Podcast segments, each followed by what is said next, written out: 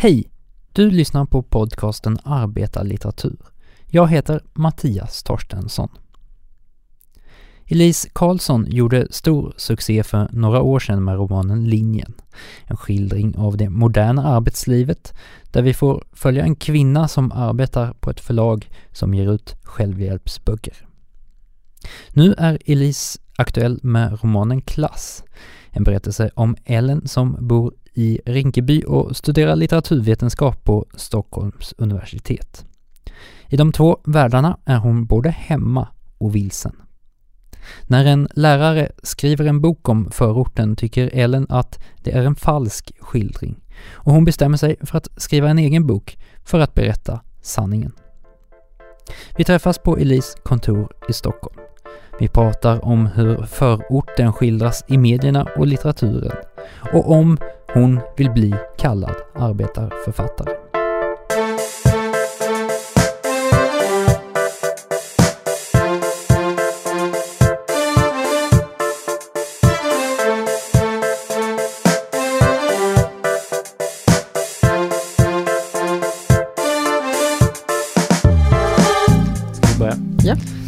Elise Karlsson, hej och välkommen till podcasten. Hej, tack Hej. för att jag fick komma och prata. Ja, jag vill börja angående din nya, din senaste bok Klass. Mm. Så du har skrivit på den i åtta år Mm, mm. aktivt. Ja. Eh, varför tog det så lång tid att eh, skriva den? Det var liksom ett rätt svårt ämne för mig. Eh, för att det är ju lite självbiografiskt delvis. Eh, åtminstone i det att jag och huvudpersonen är uppväxta på samma plats, det vill säga Rinkeby. Så jag ville hitta ett sätt att skriva om den platsen och kanske den uppväxten på sätt och vis eh, som kändes ja, rättvist kanske, eller i alla fall rätt för mig. Så. Och det tog rätt lång tid att hitta fram till. Och eh, du tyckte sen att du, du hittade fram? Jag tror det, men jag kan ju också tänka mig att jag kommer att återvända till det och skriva om det på ett helt annat sätt. Eh, Men då kanske i alla fall just den här historien, om just den här personen och de här, den här lite invecklade intrigen, eh, att jag är klar med det i alla fall. Ja, vill du kort, eh, om du kort ska beskriva boken, vad, vad, vad handlar den om? Ja, men det handlar om Ellen som växer upp Typ, eh, i Rinkeby då. Och eh, när boken utspelar sig, då har hon börjat på universitetet. Som är Stockholms universitet. Och då tar hon bussen dit varje dag ungefär. Och eh, funderar över livet och funderar över ja, skillnaden mellan de här platserna. Kanske inte så medvetet, men det är det som hela tiden kommer fram eh, i hennes rörelser och i allt annat hon gör, tänker jag. Mm. Vad, vad skulle du säga är den största skillnaden på, mellan de här två platserna som hon befinner sig på, det vill säga universitetet och, och förorten? Ja, nej, men det är ju en statusskillnad. Det handlar ju om att den ena platsen är extremt stigmatiserad. Det är ingen som vill vara där egentligen och det finns en massa förutbestämda meningar om hur den platsen är och varför man inte ska befinna sig där. Och sen så på universitetet så, det är ju motsatsen, att det är ändå en aktad plats kan man säga i samhället, även om just ja, men Stockholms universitet kanske inte ser ut så som man tänker sig att en fin plats ska se ut. Så det är lite, det är någon slags, något skevt där i bilden av att hon är ändå rädd för den här platsen på ett sätt. Hon är ändå rädd att det ska synas att hon inte passar in och samtidigt så är den platsen inte så himla liksom, tjusig ändå.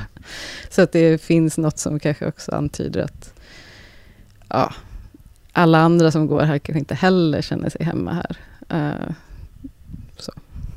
Jag har tänkt på det, dels nu, vi sitter här i Stockholm och, Mm. och spelar in det här, men också under min tid på universitetet i Lund, att det, Mm. det är så himla mycket mer historia och det är så kulturellt Ja. laddat på något sätt. Alltså det Ja. finns statyer och där är information om historier och i, i stadsmiljön och, Mm. och så här. Ehm, och kontrasten då mot, mot en liten by på landet där jag är Ja. uppväxt. ja, verkligen. Vad, vad betyder det, allt det där eh, för någon som helt plötsligt då kommer in och, och får upptäcka en miljö där det finns en historia och, och människorna då som synliggörs och allt det här kontra det mer anonyma kan jag tänka mig Mm. i förorten. Det anonyma i förorten? Eller? Ja, ja. Ja, ehm, ja, det är en intressant fråga. Ja, men för Ellen tänker jag att det betyder att ja, men hon måste ju passa in sig i den här historien på något sätt. Hon måste passa in sig i, i universitetsmiljön och på något sätt också, tänker jag, för henne handlar det också om någon slags förhandling om, om att anpassa sig till Sverige som hon upplever det då. För att alla säger ju att Rinkeby inte riktigt är Sverige. De som bor där beter sig inte riktigt som svenskar gör. Uh, oavsett om de är medborgare eller inte. Sådär. Och då blev väl universitetet också som en slags bild för det. Även om det är en väldigt specifik del av Sverige egentligen såklart. Um, så tänker väl hon också att det är ett sätt att okej, nu ska man lära sig, nu ska man bildas in i det här landet och sättet att tänka. Sådär. Uh, så att för henne tror jag också att det representerar väldigt mycket det svenska och det västerländska. För att när hon kollar på litteraturlistorna så är det ju det västerländska som man intresserar sig för. Medan platsen hon kommer ifrån, där finns det ju rötter till många ställen, många kulturer och många uråldriga kulturella traditioner. Så. Men som då inte syns på samma sätt i, i den offentliga debatten till exempel? Eller Precis, i, i den offentliga debatten eller ja, som i skolan då, då ska man snarare tänka sig att ja, ingen har det här ursprunget, så även de som har det ursprunget, det för, liksom, då ska de inte låtsas om det, som Clarisse, som också har gått i hennes skola, tänker jag. Att hon verkar som en mycket slätare figur när Ellen träffar på henne som vuxen då, när hon också går på universitetet. Uh, som att hon har liksom tagit bort alla personliga saker och allt som kan antyda att hon kommer någon annanstans ifrån eller har andra idéer om hur världen ska vara. Ja, för det finns ju någon, något form av mellanförskap eller vad man ska kalla det här. Att det, det är två miljöer där man kanske passar i båda men inte passar i någon. Mm, jo, verkligen. Och jag tänker mycket på det också. Att, ja, vad är det för slags resa som Ellen gör? För att egentligen, hon kommer ju från det här stigmatiserade området, men hon är kanske inte själv egentligen arbetarklass till exempel, utan hon har ju dels kulturellt kapital hemifrån och sen har hon, ja, hennes föräldrar har ju till exempel möjlighet att köpa en lägenhet till henne, framkommer det senare och sådär. Um, så hon har ju också ett konkret kapital. Sådär. Även om hon kanske inte är högborgerlig, så, så har hon möjligheter. Eh, på ett sätt som kanske andra i hennes närhet inte har. Då. Och då kanske det snarare är andra i hennes närhet som, som gör en resa på ett annat sätt, tänker jag. En klassresa om man vill tala om det, fast det är också ett så knepigt begrepp. Ja, för du var med i Babel nyligen och det pratade, ni nämnde det kort eh, tillsammans med Elsie Johansson Just då. Det, ja, hon, hon var väldigt emot mm, det begreppet. Ja, hon, hon, menade att det var bättre att prata om någon slags bildningsresa. Ja. Eller utvecklingsresa. Vad, eh, vad, vad, tycker du är problematiskt i klassresebegreppet? Det kan ju finnas många problematiska saker. Som en sak blir ju att om en reser från en klass, vad är det man lämnar bakom sig och varför är det okej att liksom, andra ska vara kvar i något som man då tycker är viktigt att lämna. Sådär. Eh, och det är samma sak med Rinkeby i boken, varför är vissa platser så viktiga att lämna? Att man ska ta sig vidare och ta sig till något som är på riktigt Eh, och värt något. Sådär.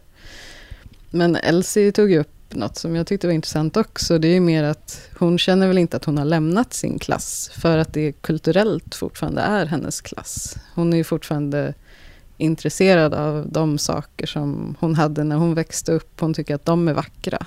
Eh, hon tycker att de böckerna är viktiga. Hon är inte så intresserad av liksom, någon som skriver om sin borgerliga uppväxt, hur man lärde sig spela piano eller sådär. Utan, och det kan jag ju känna igen mig i, även om jag har haft en massa liksom, privilegier själv. Så tänker jag att det man har från tidigare generationer också betyder väldigt mycket kulturellt. Så, uh, Hur då? Ja, men vilka böcker som man värderar och vilka, vad, hur, vad man värderar i ett beteende. Hur man ska vara mot andra människor och så. Uh, det tror jag man kanske lär sig olika saker i olika klasser. Så. Ja, du var inne på det att eh, den som gör en klassresa förflyttar mm. sig och mm. lämnar då de andra kvar. Ja. Vilket ansvar följer med den som har flyttat sig i klass? Ja, men det, det är väl, tror jag, någon slags skuld som många bär med sig när man förflyttar sig på ett eller annat sätt. Så att varför, varför var det jag som skulle förflytta mig? Eller sådär. Och sen så... Ja. Sen så är det väl också det där att om man har förflyttat sig till en annan plats där andra saker värderas, då kan man ju också få för sig att det är de enda sakerna som spelar någon roll. Medan de som, som är kvar på en plats eller i en klass kanske inte alls tycker att de sakerna är viktiga. Uh, men, men det är ju de där svårmätbara sakerna med, med kultur och vad ska man säga, erkännande kanske. Eh, men sen finns ju viktiga konkreta saker också i ja, konkreta resurser, vilka som får tillgång till vilka resurser, vilka som kan studera vidare om man vill, eh, vilka som har tid och råd att göra vad. Så, eh, de sakerna kommer man ju inte ifrån. Men har man någon lojalitet? Alltså, är det, finns det ett ansvar för att behålla en lojalitet mot uh, de människorna som man är uppväxt tillsammans med? alla känner väl inte den lojaliteten, men jag kan känna den väldigt starkt. Uh, verkligen. Och kanske mer och mer. Och att, ja, av olika skäl kanske jag börjat fundera mer på det på senare år också. Det är delvis av den anledningen också som du har velat skriva den här boken? Ja, men eh, jag tror att det, den, det är väl av den anledningen som boken ser ut som den till slut gjorde. För att jag var osäker på länge hur den skulle sluta. Eller, ja, det är en bok som skrivs i boken och vad den ska ha för betydelse och så. Och i vilken mån Ellen till exempel kan försonas med Clarisse, som ändå var en jobbig jävel under hennes uppväxt, tänker jag mig. Eh, och var, var en sån ett sånt närmande mellan dem kan betyda. Eller inte betyda, för det kanske också finns gränser för ja, lojaliteter. Ja, det finns en karaktär i, i boken då som heter Mona. Mm. Som har skrivit en bok som heter Utanförskapet och som handlar om förorten. Ja, precis. Ehm, och eh, Ellen det är så man säger? Ellen? Ja, ja. jag brukar säga så. Eller man får säga annorlunda. Uh, ja, jag har, jag har hört det i tidigare poddar också. Det har rått lite osäkerhet kring just uttalet. Ja. Men uh, hon är ju då um, inte särskilt nöjd över den här skildringen. Hon föreställer sig att den ska vara ganska dålig och mm. komma med en egen skildring av sin uppväxt. Mm. Var det lite så du kände själv kanske? Jo, men delvis så tror jag jag tänkte mycket på så här, förortsskildringar som jag känt mig missnöjd med. Eller åtminstone vilka förortsskildringar som räknas ibland eller hur de mottas. Och att ibland kan det räcka med att man har flyttat till Tensta och bott där i ett halvår och så skriver man en bok om det och så är man expert på Tensta. Eh, och jag kan bli lite provocerad av det ibland för att det känns som att det utifrån perspektivet då blir mer värt än någon som faktiskt har bott där hela sitt liv för att då är man mer neutral på något sätt eller uppfattas som det. Um, så att jag har väl tänkt en del på sådana skildringar och samtidigt så Ibland brukar folk fråga om jag tycker att man inte får skriva om förorten eller att det är bara vissa människor som får skriva om förorten. Och så. Och det är inte det jag tänker heller, utan det är kanske framförallt det som jag liksom funderar över är varför vissa skildringar mottas på ett visst sätt. Så, uh. Hur menar du att de mottas då? Ja, men just att de skildringarna mottas som en sann historia som inte är fläckad av något subjektivt. Eh, medan någon som har bott på ett ställe, de har upplevt något subjektivt och, och lite... Ja, det är något känslosamt över det, helt enkelt. Inte min bok framför allt, för jag tänker att jag har fått, jag har ju fått ett jättebra mottagande, det är inte det jag menar. Men, men att vissa personer kanske också blir så pass associerade med förorter för att de lever upp till någon slags bild av hur man ska vara om man kommer från en förort. Så att då blir det inte längre litteratur till exempel, eller det blir inte ett sant reportage, utan det blir liksom bara den personens berättelse. Så. Eh, vad säger du om, eh, om skildringen av förorten i, i media? Oj, det skulle jag kunna prata länge om. Nej, men jag menar, det handlar inte heller om att förneka om att det finns problem i förorten. Att det finns ja, kriminalitet i förorten, precis som på många ställen där det är ont om resurser och eh, ja, det finns andra grundläggande sociala problem. Problemet är väl att det blir den bilden som bara räknas, att den kan förstärkas och användas politiskt av ledarsidor till exempel, som gör en poäng av ja, någonting och som vill få med sig vissa tveksamma, tänker jag, läsare.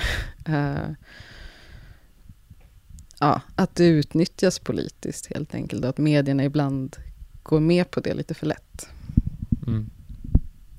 Och det, jag menar, allt det här går ju att koppla också till arbetarklassens problem liksom, historiskt och idag. Samtidigt så är det som att man väldigt sällan pratar om hur det här, hur arbetarklass och ja, vad ska man säga, invandrare, det här är något som överlappar. Det är ofta som att man vill se förorten som ett problem och kanske landsbygdens problem som ett annat problem och industriarbetare som en sak och de som städar i storstäderna som en annan sak. Och jag tänker att alla de här sakerna, där finns det ju gemensamma problem och gemensamma, gemensamma lösningar politiskt, men man vill inte gärna, eller det är kanske svårt att göra en sån gemensam politisk historia. Mm. Boken den utspelar ju sig för ungefär 15 år sedan. Mm. Vad har hänt med bilden av förorten eh, sedan dess? Har den ändrats på något sätt? Ja, den här boken utspelar sig ju hösten 2001 och då inträffar ju 11 september. Um, och förutom att vara ett förfärligt dåd som har förändrat världen på många sätt så har det ju också bidragit till en stigmatisering av muslimer överhuvudtaget, tänker jag. Och det tycker jag var något som också märktes eh, när man bodde på en plats som Rinkeby, där många är muslimer. Um, och att det, som att det som i min barndom var problemet med förorten, det var ju en viss typ av kriminalitet och um, ja, ungdomar som gick ut på nätterna och sparkade på varandra ungefär.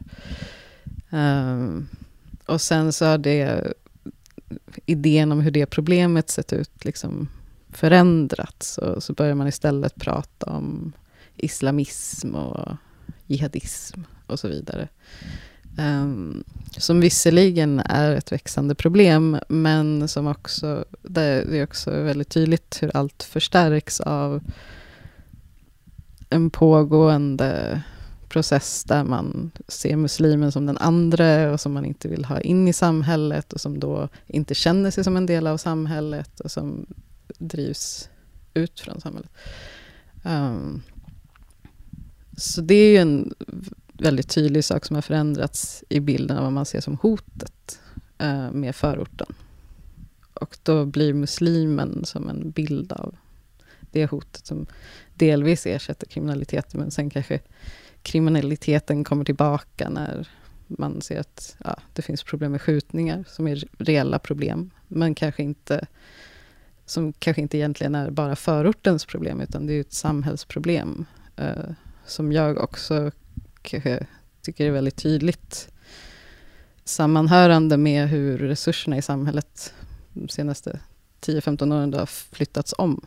Eh, så att mer och mer koncentreras till de som redan har. Eh, ja. ja, men det låter som att du på något sätt vill addera en klassaspekt på då, om jag tolkar dig, dig mm. rätt, med att man kanske ja, pratat mer om etnicitet och det handlat om religion och, mm. och, och, sådär. Men att det också finns den här klassaspekten. Ja, men både och. Eh, dels att man adderar en klassaspekt till hur man ser, och pratar, ser på förorten och pratar om förorten, men också att jag skulle vilja att man när man pratar om klass överhuvudtaget också ser att ja, det här är en del av klassproblemen som vi har. För att det blir väldigt lätt att man använder klass som ett sätt att inte behöva prata om förorten eller om, om rasism i samhället och så vidare. Eh, det, det tycker jag är sorgligt och onödigt, för att det finns ju verkligen så mycket som de kamperna kan liksom göra tillsammans. Tror jag. Mm. Mm.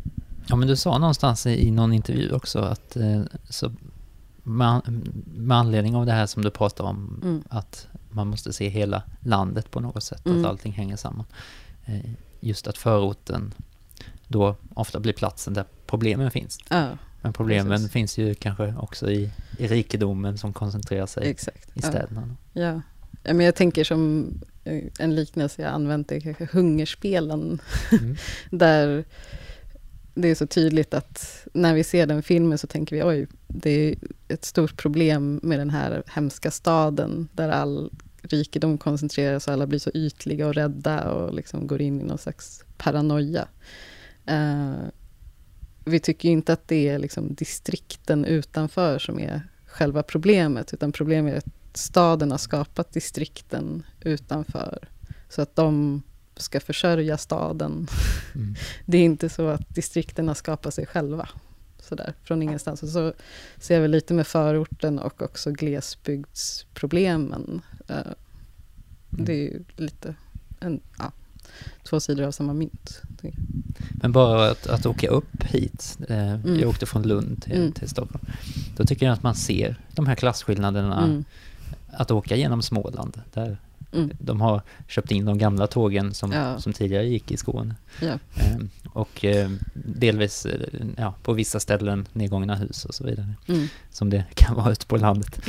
Ehm, men så kommer man in då så kan man se en helt annan värld liksom med blanka skinande bilar och tunnelbanor. Mm. Och... Jo, och samma sak om man sätter sig på ett tåg från Stockholms innerstad och åker längre och längre ut på linjen så så har ju folk mindre och mindre fina kläder, eller vad man ska säga då.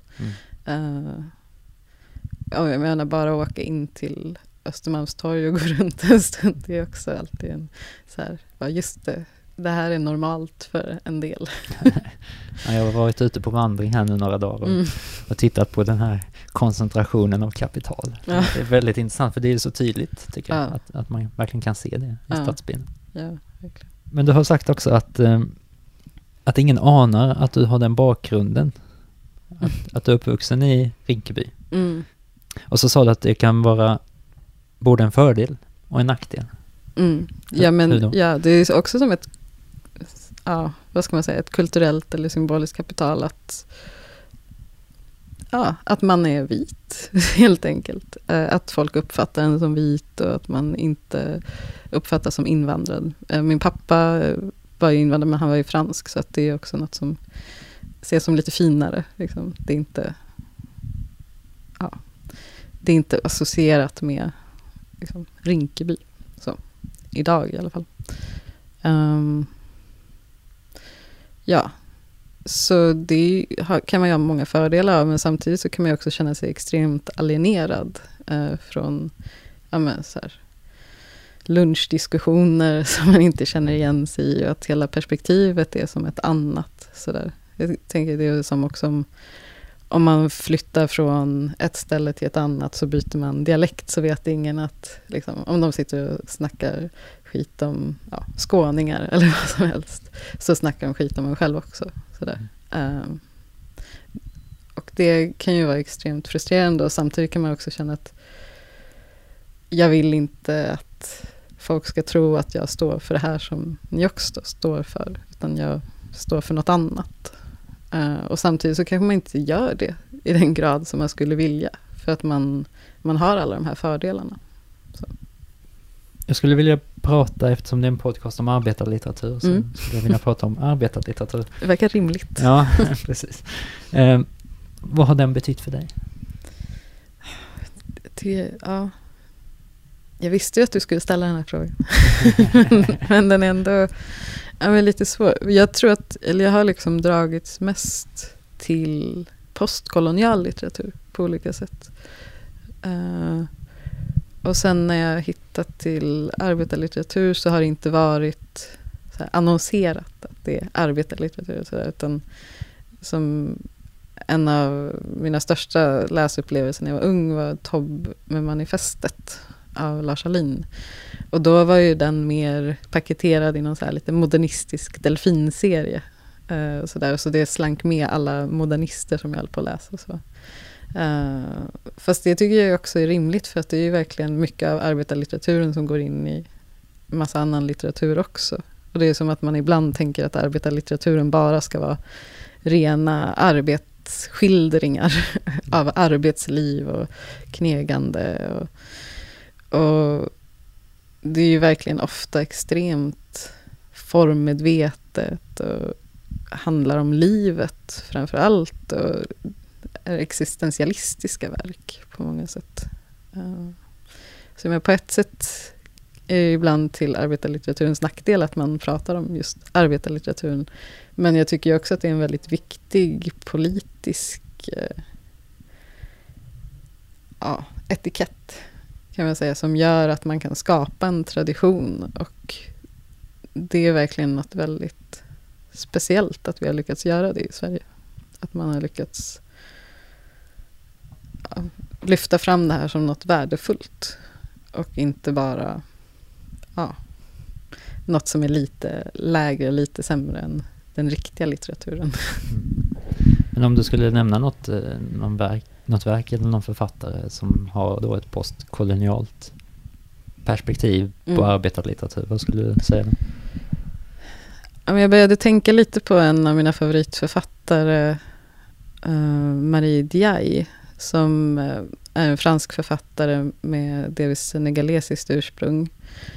Uh, man kan ju inte skulle räkna henne till den postkoloniala litteraturen just eftersom hon ändå är baserad i Europa och förhåller sig väldigt mycket till en europeisk tradition med Proust och Thomas Bernhard och sådär.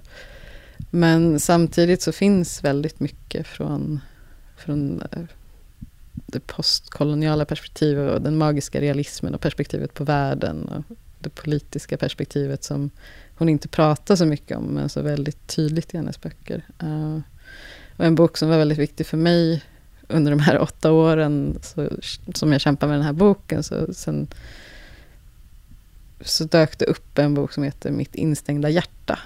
Uh, som jag tycker är väldigt bra på att skildra just hur på ett liksom, känslomässigt sätt, bara inifrån, på ett sätt som man nästan inte kan formulera, hur ens ursprung och bakgrund sätter sig i en och sitter kvar när man rör sig ut i resten av världen. På något sätt. Så den boken kanske jag skulle lyfta fram. Låter väldigt intressant. Ja. Eh, men du, ehm, du har ju kallats en eh, förnyare av arbetarlitteratur. ja. Eh, vad tycker du om att kallas arbetarförfattare, om någon skulle säga det? Alltså det är ju fantastiskt hedrande och samtidigt så kan jag ju skämmas lite, för jag känner ju verkligen... Jag känner ju ändå någonstans att jag har haft ett lite för medelklassigt liv för att karaktäriseras som arbetarklass. Och särskilt liksom inför min pappa så tänker jag att jag skulle skämmas över att säga att jag hade haft ett tufft liv ur den aspekten. Eh, när han verkligen växte upp i så här, en familj i Frankrike då, som verkligen fick streta för att klara det överhuvudtaget. Och där det självklara var att man skulle jobba i fabriken och det var där man skulle vara kvar resten av sitt liv. Uh, och min pappa verkligen ville läsa och bli intellektuell. Uh, och han var ju så här, arbetarklass och han försökte skriva, han skrev ett manus och det är ju verkligen arbetarklasslitteratur för mig. Eh, den där kombinationen av den här intellektuella strävan och arbetet. Eh, och det känner jag ju kanske inte att jag har. Sen så tycker jag att det är viktigt om man pratar om arbetarlitteratur idag, att inte bara tänka att ja, men då ska den se ut exakt som Harry Martinsson skrev det, eller som Moa Martinsson skrev det, utan att ja, men är Puni Rohis Araben kanske arbetarlitteratur, eller är ja, Darja Bogdanska som du har haft med, det måste ju också vara arbetarlitteratur och att, att man inte bara fastnar i hur en arbetsskildring ska se ut. Och då, visst, då kanske linjen och skildringen av prekariatet där, även om det är ett så här, prekariat som har det relativt gott ställt. Uh, då, linjen i din förra bok. Precis, ja. ja. Och där handlar det ju om kontorsarbete men på de här lite märkliga villkoren som vi har idag. Att man hoppar in och jobbar lite här och där och man har inte så bra anställningsvillkor kanske, även om man jobbar med relativt enkla saker. Mm. Uh, ja, men att även vissa delar av medelklassen kan ha anställningsformer som påminner om daglöneri. Ja, ja verkligen. Ja, så jag menar, det ingår ju absolut i en arbetskritisk eh, tradition, eller i alla fall trend, kan man säga. Och jag tycker det är viktigt att man försöker prata om prekariatet. Uh, men jag blir alltid rädd att ja, men att en bok som Linjen också kanske på ett sätt osynliggör andra skildringar då. Liksom att folk vill hellre prata om linjen för att de kan känna igen sig. Men folk menar jag typ folk i media eller litteraturkritiker blir mer intresserade av den än till exempel Wage Slaves då. Uh, för att det är mycket tydligare deras verklighet. Så. Sen så, alltså, Wage Slaves har ju också fått jättebra kritik och uppmärksamhet, men jag kan bli rädd för att det blir ett, att folk gärna har ett sånt fokus. Så. Du har jobbat själv en del som litteraturkritiker. Hur, ja. hur tänker du kring eh, alltså det där vad du, vad du uppmärksammar och vad du skriver om? Att, skulle du säga att påverkar det det påverkar kritikerns bakgrund, det man skriver om sig? Absolut, det tror jag. Och sen så är man väl mer eller mindre medveten om det i olika perioder. Sådär. Men jag har väl också, framförallt, jag nämnde postkolonial litteratur, jobbat mig liksom, tillbaka till ett intresse för det postkoloniala och sådär som jag tänker att jag kanske hade mer innan jag började läsa litteraturvetenskap. Och sen så dröjde det ett tag på litteraturvetenskapen innan man kunde komma in på det postkoloniala, främst bara på masternivå, eller man ska säga. Um, annars alla grundkurser och allt det grundläggande handlar ju om den västerländska litteraturen. Men, men för mig har det varit viktigt att hitta tillbaka dit, för jag tycker att det är en så väsentlig del av världen och också en väsentlig del av Sverige som man kanske inte tänker på. Att det är så många som har erfarenheter av liv utanför Europa. Eller som har det någon generation tillbaka. Och att om man ska skriva om Sverige så tänker jag att det är också ett väsentligt perspektiv. Mm. Eh, ja. Och du har fått nämna några verk som du har inspirerats av också. Mm. Och du kommer ju få göra det i video sen.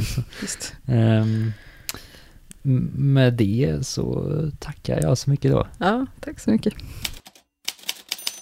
Tack Elise. Det var sista avsnittet för den här säsongen. Det känns allt lite vemodigt. Men misströsta inte. Har du missat något avsnitt är det ett perfekt tillfälle att lyssna i kapp över sommaren. Jag är tillbaka med nya avsnitt i höst, men så länge ska du inte behöva vara utan podcasten. Du kommer under hela sommaren kunna följa mitt arbete med att producera nya avsnitt via sociala medier. Följ podcasten på Facebook och Instagram. Sök efter arbetarlitteratur. Vi ses där. Och tack för att du lyssnat och ha en riktigt trevlig och härlig sommar. Vi säger så.